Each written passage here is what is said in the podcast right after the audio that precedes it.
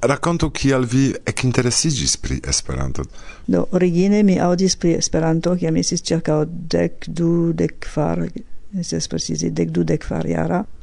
Tiam mi nur eksciis la vorton Esperanto kaj rigardis en mia verneia vortaro kaj legis lingvo kiu havas dec ses gramatikajn regulojn inventita de doktoro kaj tie plu kaj tie plu kaj tiu revigis min dec ses gramatikajn regulojn tiu estis vere extraordinara por mi, kiu komencis lerni la latinan en la lerneio tiun jaron, kaj malŝategis la, la latinan, kai poste malŝategis la anglan, kiu volis instrui al mi.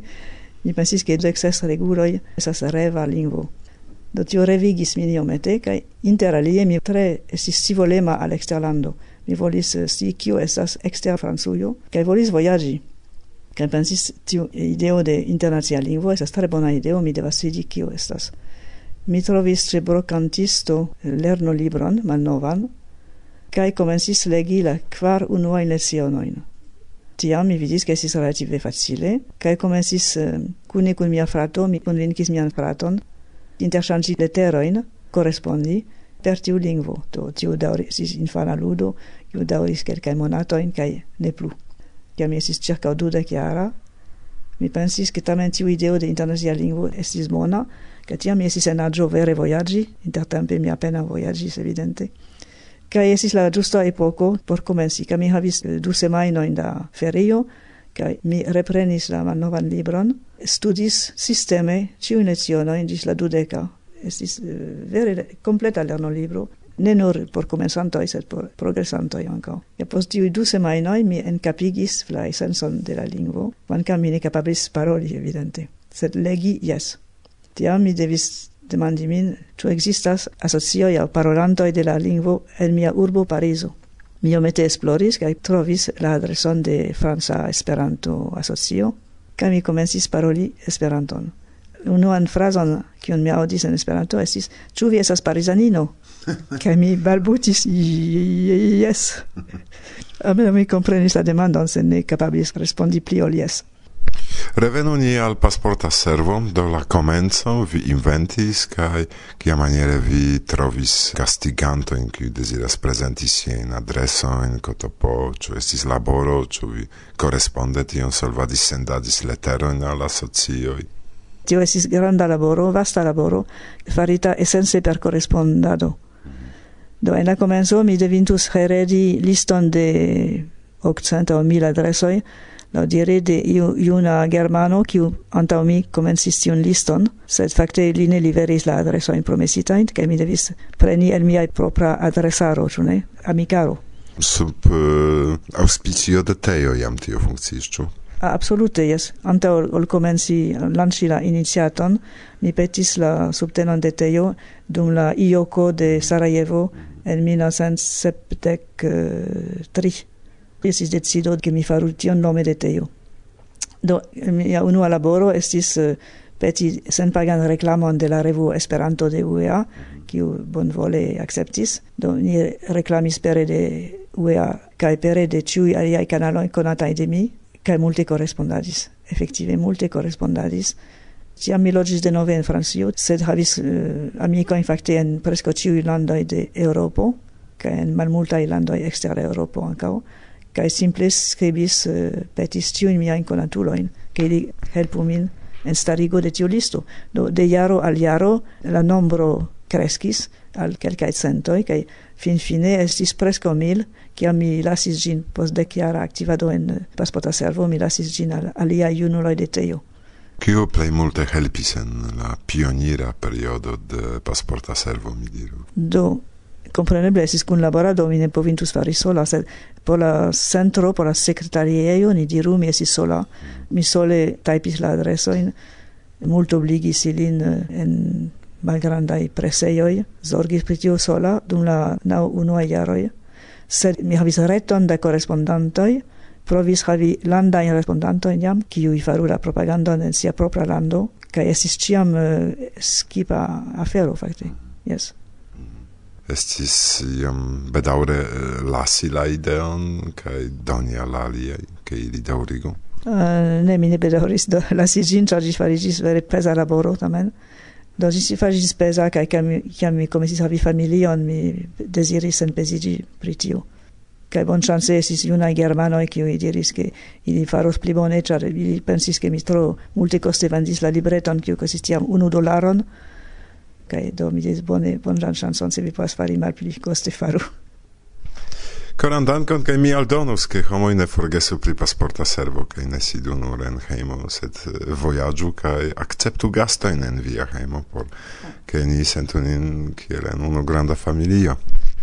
A mi havas anekdoton pri pasporta servo, ke mi gastigis eh, ĉi tie antaŭ kelkaj monatoj Chuck Smith, kiu kreis eh, uh, Wikipedia en Esperanto kaj nuntempe Amikumu. Kaj li diris konstante kiel li fariĝis esperantisto do pro scivolemo esence al la lingvo. Kaj ĉar li spertis per paspoza servo ke li povis konatiĝi kun homoj de alia lando kion li ne povus fari alimaniere se li vojaĝus de hotelo al hotelo. Do mi ne estis ŝokita sed mi pensis do bone se sedank al mi ni havas Chuck Smith en la movado mi faris bonan aferon. Yes, do ĉar vi aŭdas tion sendube. Koran dankon kaj mi deziras al vi multe da fruktodona agado, ĉar ankoraŭ vi ne dormas, vi multe interpretas, ĉu? Jes, nun mi ĉefe riposas en mia domo, ĉar mi ne puesas tiom juna kiam antaue, sed mi efektive tradukas regule artikolojn de la franca gazeto Le Monde Diplomatique, kio esas senpage haveblaj sur la reto, kaj mi opinias ke tiu traduka laboro esas utila por la lingvo politica, economica kaj kultura. Konan dankon. Dankon.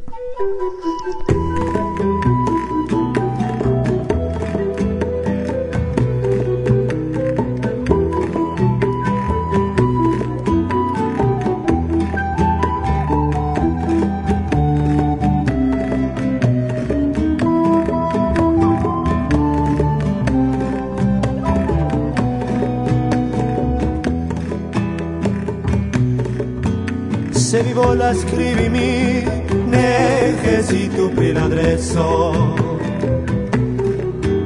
se vi vola scrivimi necesito per l'adresso e l'affronto de grandezza avangarda pafine e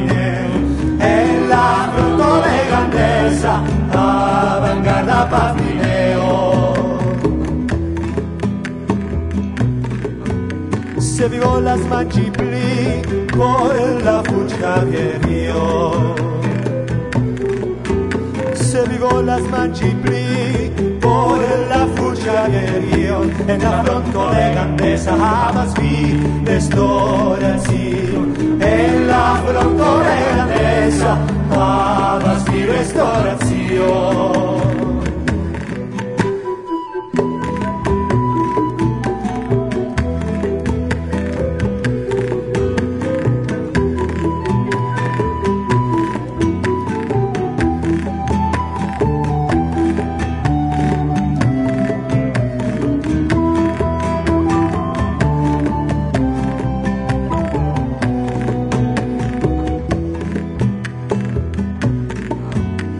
c'è l'accordo del mangeio estas Mauro Javier c'è l'accordo del mangeio estas Mauro Mohamed chi Kion vi desiras mangi vi demandas con ride. Chi Kion vi desiras mangi vi demandas con ride.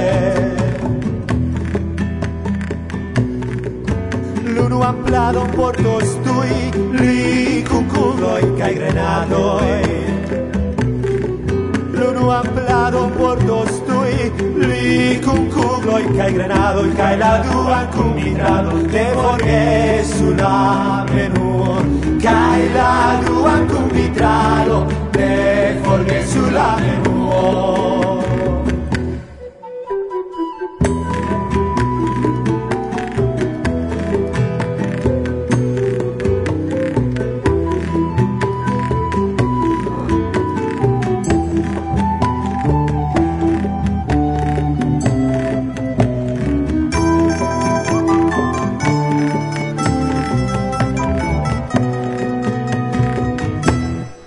kia estas diferenco inter franca kaj okcitana? Estas du latinidaj lingvoj unue, do ili estas tre uh, similaj unu al alia, sed estas sufiĉe uh, gravaj diferencoj por uh, konsistigi du apartajn lingvojn. Mi dirus ke um, la ĉefaj diferencoj uh, estas en la um, verba sistemo exemple la conjugatio estas tute alia kaj cetere um, estas exemple tiu accentado kiu estas multe pli simila al tiu en la hispana aŭ uh, itala kaj tio tute ne uh, apartenas al la franca lingvo. Ili estas tamen sufiĉe proksimaj kaj do estas relative alta grado de interkomprenebleco inter franca kaj okcitana kaj eĉ multe pli alta inter la okcitana kaj la kataluna. Fakte la plej proksima lingvo al la okcitana lingvo estas la kataluna. Ili ec estis unu sama lingvo en mezepoko fakte. Do, an, antaŭ uh, kelkcent uh, jaroi ili disiĝis sed uh, oni povas hodiaŭ ankoraŭ tute bone intercomprenigi. Alia interesajo pri Toulouse estas canal uh, du Midi, Ĉu vi povus Do jes, en Esperanto oni nomas ĝin Suda Kanalo. Do kion diri pri uh, tiu kanalo? Ĝi estas uh, agnoskita kiel monda heredaĵo Gi estis construita en la decsepa jarcento, char antaue, ciam oni volis transporti varoin de Mediterraneo gis la oceana atlantica flanco de Francio, oni devis tutte circa iri la Iberian duoninsulon. Do tiu ingeniero, Pierre-Paul Riquet, estis lia nomo, proponis alla Franza Reggio che oni constru canalon qui ligos Mediterraneo al uh, la rivero Garono, char poste per Garono ni povas facile uh, alŝipi uh, Atlanticon, cune. ne? Do tiu construado dauris ege longe. Mi ne certas pri tio, sed mi ec uh, credas che um, Pierre Paul Riquet mortis antau la fino de la tuta laborado. Estis grandiosa laboro uh, tiu tempe, sed fine Jack funkciis, kaj dankal tio la shipoi povis transporti varojn recte tra tiu canalo kaj tio ses granda progresso kaj ebligis alla al la regiono ĉar tiuj compreneble uh, estis eh, granda factor de eh, ekonomia dinamikeco por la regiono kai ricigio Kaj ĉu tiu kanalo daŭre funkcias eh, kiel la vojo por ŝipoj aŭ ĉu oni povas ankaŭ turisme uzi ĝin do kajakumi aŭ ŝipumi tie? Jes, ĝi estas ankoraŭ tute funkcianta, kvankam nun gin uh, utiligas nur turistoj fakte. Ĝi estas uzata nur por tiu uh, plezura navigado ŝipado multaj homoj uh, biciklas laŭ tiu kanalo. Ekzemple biciklas de Toulouse ĝis la maro kaj tio postulas uh, kelkajn tagojn. Eble tri por la plej uh, au uh, kvar au kvin por la aliai sed uh, uh, tute eblas yes mm -hmm.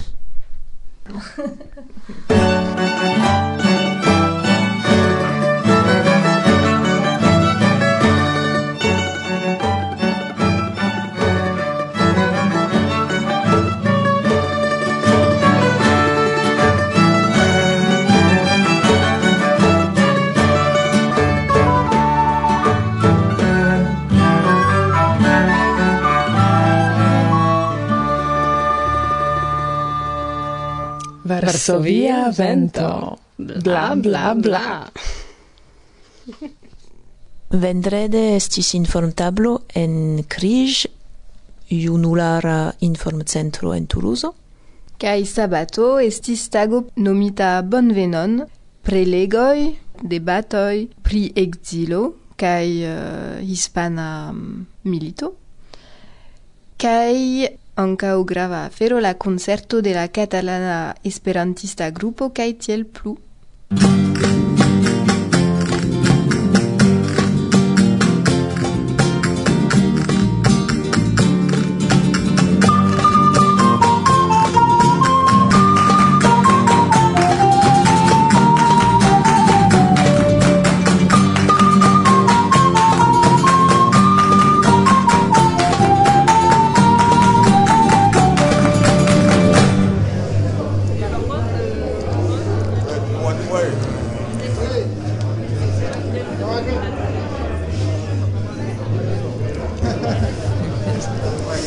estas sufiĉe internacia etoso dum tiu semeo, sed tamen por ĉiu evento ni malfermis la pordojn al ekstera publiko. Do ekzemple ĉi vespere estis um, granda tago pri ekzilo en iu grava loco de Toulouse, cultura kaj socia kaj politica, La Chapelle, kiu estas la plej malnova mm, skvato okupita loco en Toulouse, kaj ni traktas la temon exilo diversmaniere per eh, prelegoi de hispanaj gastoi pri la hispana exilo, pri la rifugintoi post la enlanda milito en Hispanio, kaj ankaŭ ni parolis pri la nuna situazio en eh, Toulouse kaj en en Europa pri la la rifuĝintoj kiuj nun fakte uh, alvenas Toulouzon. Kai estis interesai attestoi pere de filmoi ankaŭ estis eh, plurlingva legado tre interesa. kai nun estas la tempo kiam la homoi pausas babilas, diskutas. Estas esperantistoj, neesperantistoj, estas homoi kun homoj kiuj manĝas kai atendas la koncerton.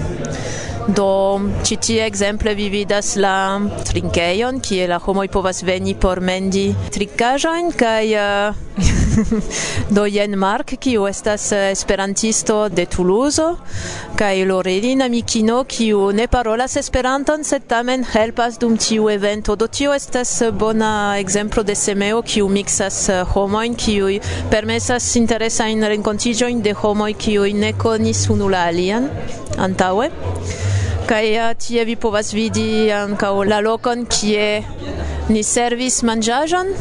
Sunjo Françoise, Sunjo kiu kuiris bonegan al montru al ni. Brasik la homoj se li volas eh, restas multe. kaj ankaŭ alia en alia. Yes, yes, do ni proponos al la homoj. Eh, antaŭ? Mhm. Certe la homoj ŝatus reveni kaj reservi. Certe, certe, manĝu, manĝu. Kaj diru ke estas eh, tre bongusta kaj Ĉiuj respektanto jam vidos ke mi estas manĝema homo, ne ne plu, ne plu, oni mm. pensos poste la esperantisto i pensos ke mi estas ege manĝema homo. Oh, ĉu ili pensas tion? Fari anonco por Uh, yes, eble mi faros uh, poste kiam mi finos la la intervjuon. Do, kion aldoni, kion ni faris dum semeo? Ni organizis eh, specialan radio elsendojn, ni partoprenis lingvo kafejojn, ni okazigos vizitojn de Toulouse, de museo. Ha, ni organizis tiom da aferojn, kiun mi...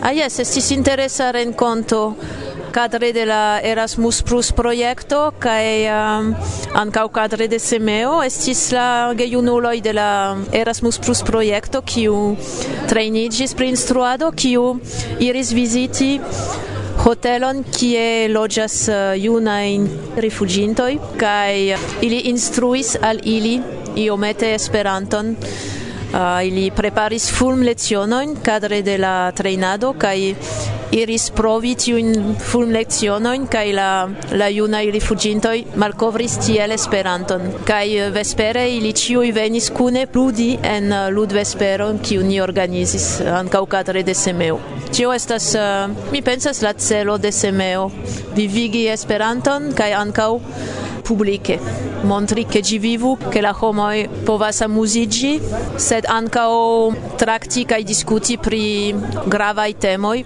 ekzemple pri exilo aŭ migrado. Do mi jam povas inviti homojn por la kvina Esperanto semajno, la kvina semeo.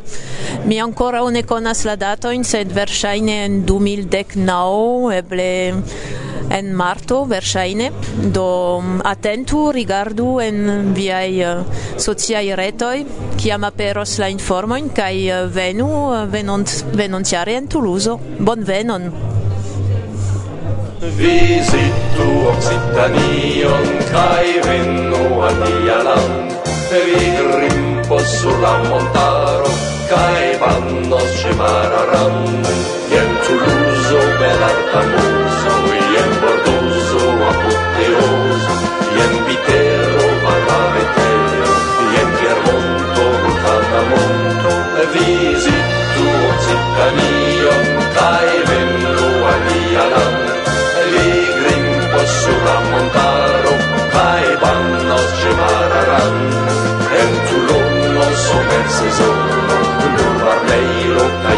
Marseille, l'azzurra bordo sulla ricordo, Cagliamizzo la deriso, visitu Occitanio, dai vennu all'Ialan, vi grimpo sulla montaro, dai bandos c'è mararan, Carcasunno, Rilassunno, Avillonno, San Cicerone, cae nun gappo ciarmare papo,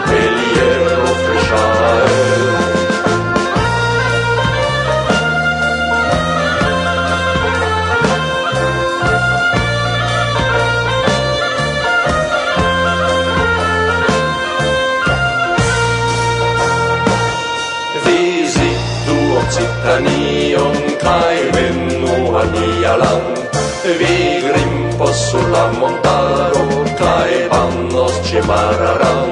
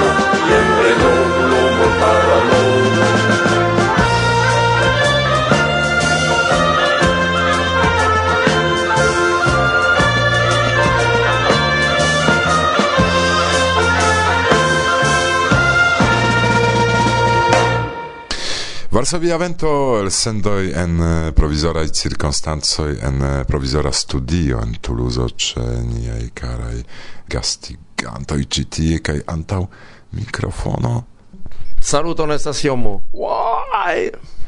Giuste, giuste. Reagas homo qui auscultas nun uh, tiun interviuon. Do, la lasta interviuo ocasis dum la jes nocte, yeah. la dua nocte. Ki ocasis de la tempo? Kion vi faris? Ĉu vi eldonis novajn kodojn? Ora, la lasta um, ocasajo estis, mi pensas, um, codo de occitana musico kun occitanae eh, tradiziae instrumentoi. Tu estes la lasta kiu ni faris Kai poste daure estis eh, turneoi, voyagioi, do entute mi voyagis la plej malproksime du foje Australion kaj eh, du foje Japanion, do. Yeah. Ĉu vi brakumis koalon tiam, ĉar ti estas mia revo brakumi koalon, kiam mi vizitas Aŭstralion? Ne, tute ne, fakte ĉar mi uh, urbumis, mi restis en urbo, mi ne, mi ne multe um, vojaĝis, mi ne multe promenis en la kamparo.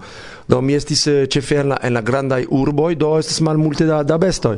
Mi iam eh, vidis kanguruo, jes, mi vidis en parko, mi ne, mi ne promenis en la naturo. Do. Vi ne sentis tion fenomenon che vi estas inverse? Ne, tute ne. Male mi sentis che mi multe voyagis por reveni al Europo, iomete. Char fakte mi diris che mi voyagis al um, urboi eh, cefe, do estas longa, longa, longa vojo, compreneble, ca vi estas je la dua flanco de la tero, sed la urboi tre similas Anglion. Do estis stranga um, situazio, Poste vi vidas che vi estes en alia parto de la mondo, char eh, vi foriras vintre, vi alvenas somere, cae male. Vi havas la impreson reveni al Europo. Kiel aspektas ciutaga vivo de Jomo en eh, Toulouse? Ĉar ni parolis pri via esperantistiĝo, pri flo, pri diversaj aferoj, pri via kantado, pri rozmariaj beboj ni parolis, ĉu ne? Sed neniam ni parolis pri via ordinara ciutaga vivo eh, en Toulouse. Yes, fakte nun estas la fino de la vintro kaj dum vintro mi iomete mi devas ĉu mi povas konfesi se vi ne eh, rediros poste mi iomete kokras Esperanton per okcitana lingvo. Tio signifas ke uh, mi aktivumas eh, pri Esperanto somere kaj vintre mi sufiĉe pli multe aktivumas pri okcitana lingvo. Kaj la ĉefa aktiveco estas starigi kaj vivigi trupon de teatro. Kaj pro tio mi ec verkas teatrajoin, yes, kai oni ludas ilin. kai ni ludas eh, en occitana lingvo, estas super tradukita eh, per lumbildoj en la franca, sed anka oni povas fari en Esperanto por iu aranjo Yes, komprenem. Se eksterlandanoj volas audi occitana lingvon kai vidi teatrajon samtempe kompreni per tradukajo bone, ni povas fari. Exemplo de occitana canto a capella sen gitaro ci foie che homo audu la occitanan char Ja, yes oni devas audi la himnon do ciui vi devas starigi kai metti la manon sur la coro kaj canti. se canto che cante canto pas per eu canto per mio che salve de eu. am canto bela himno ne Parton mi komprenis, fakte si, similas al Esperanto, ĉu ne? Yes, yes, fakte se oni oni rigardas eh, la la sono esta sufiĉe simila, eh, ĉefe ke la inaj vortoj havas eh, la artikolon la kaj finas per o ĉe la fino. do vidi la laigo la la fendo sa virino do ti u son asio mete esperante sed mi malcovris anta un elonge che eble la lingvo qui u similas play esperanton estas la piemonta La Piemonta, yes, yes, yes. Se vi povas trovi sur interreto vortaron de la Piemonta, vi vidis que tre similas al Esperanto, tre, tre. Ciui verbo estas la samai. Somere Esperanto vintre kiel occitana, ĉu vi estas occitana? Jes, ni estas en Occitanio, uh, Occitanio ŝanĝis statuson antaŭ nelongo, do fakte estas iu lingva regiono, estas lingvejo, lingvolando neniam estis sendependa stato, sed la mm, comuna punto inter la homoj estis la lingvo, kompreneble nun estas multe pli komplika. Kaj eh, fakte estas oni povas diri la suda triono de Francio. Yes. Sed antaŭ du jaroj estis reformo de regionoj en Francio, administraciaj, kaj oni nomigis nian regionon Occitanio. Do kelkaj homoj diris bone la nomo aperis, kelkaj malĝojis, koleris, ĉar fakte estas nur eh, kvarono de la tuta lando. Do estas debato, ĉu estis bona afero, ĉu malbona. Laŭ mi estas bonaj kaj malbonaj flankoj, sed la bonaj estas eh, pli nombraj ol la malbonaj. Iomo viaj planoj por ĉisamero vi diris, ke vi ne klare scias, eh, kie vi koncertos, kien oni povas ĝui vian muzikon. Mi havas planoin por 2010 ok somere. Unu projekton en Italio se ancora ne certa sed certe unu turneton en Pollando. Yes, char vi scias ke en Wrocław okazas la konkurso de Esperantaj kanconoj kaj do mi estas uh, ano de la jurio ĉu? Uh, kaj mi koncertos en Wrocławo en majo kaj de tie mi vizitos Gura Gura urbo Gure. Gura, ne, Jelenia Gura. Se, ne, ne nenia Gura. Gura. gura tut simple. Po prostu Gura. E, kai poste mi certe iros al Zabrze, ki estas la concerto, kai amuse ke estas iu congreso en minejo. Ĉu vi stias pri tio? yes. Polanda? Yes. En minejo Guido, kiun mi jam vizitis. Yes. Yes, yes. Poste estas vojaĝo al um, Slovenio, estas tute freŝa novaĵo. Kaj poste poste poste mi vizitos Ĉuvaŝion. Ĉar oni devas viziti Ĉuvaŝion regule. Pro lingva festivalo. Yes, ja fakte ili havas tendaron. Tendaron pri la ĉuvaŝa lingvo. Kaj ni antaŭvidis unu interŝanĝon char ili starigas asocion por defendi iomete la lingvon kaj eh, mankas al ili ili diras perton do eble ili venos al Tuluzo por vidi kion eh, jes ni faros por la occitana lingvo kaj do eh, interesa interŝanĝo pri lingvoj pere de Esperanto kompreneble. Kaj poste mi vizitos Serbion por la sat kongreso kaj finos la mm, la someron mi pensas per Sanremo kaj eh, Ukrainio. Bone. poste eh, en autunno mi vidas que estas lingua festivalo en, en Slovaquio kai poste tu en not francio en agas y en la proyecto de, de la de la somero ka autunno 2000 dec ok reclamo. Venu en la crocodila en mayo yes. Falso via vento. Bla bla bla.